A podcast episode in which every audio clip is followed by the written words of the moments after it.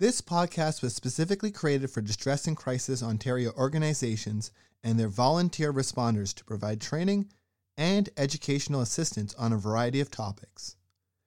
As information evolves and changes, these podcasts are meant to offer ongoing support with the goal of updating them on an ongoing basis. We thank the volunteer responders and the contributors to this podcast. Please visit our website, dcontario.org, for more information and how to access free mental health services. Thank you.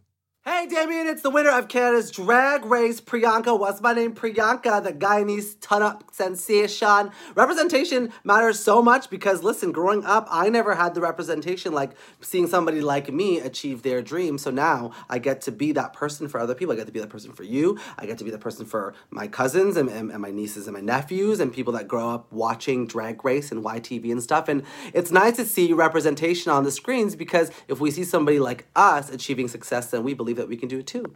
Love you.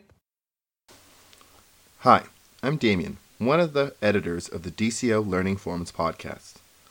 Over the past year, we've been busy converting our Learning Forums series of videos into podcasts and thinking of new ways to continue delivering new and more in depth content. We've seen the demand, and we're announcing our move to Pinecast and our new tip jar function. Please consider going to tips.pinecast.com slash jar slash distress and crisis Ontario and donating.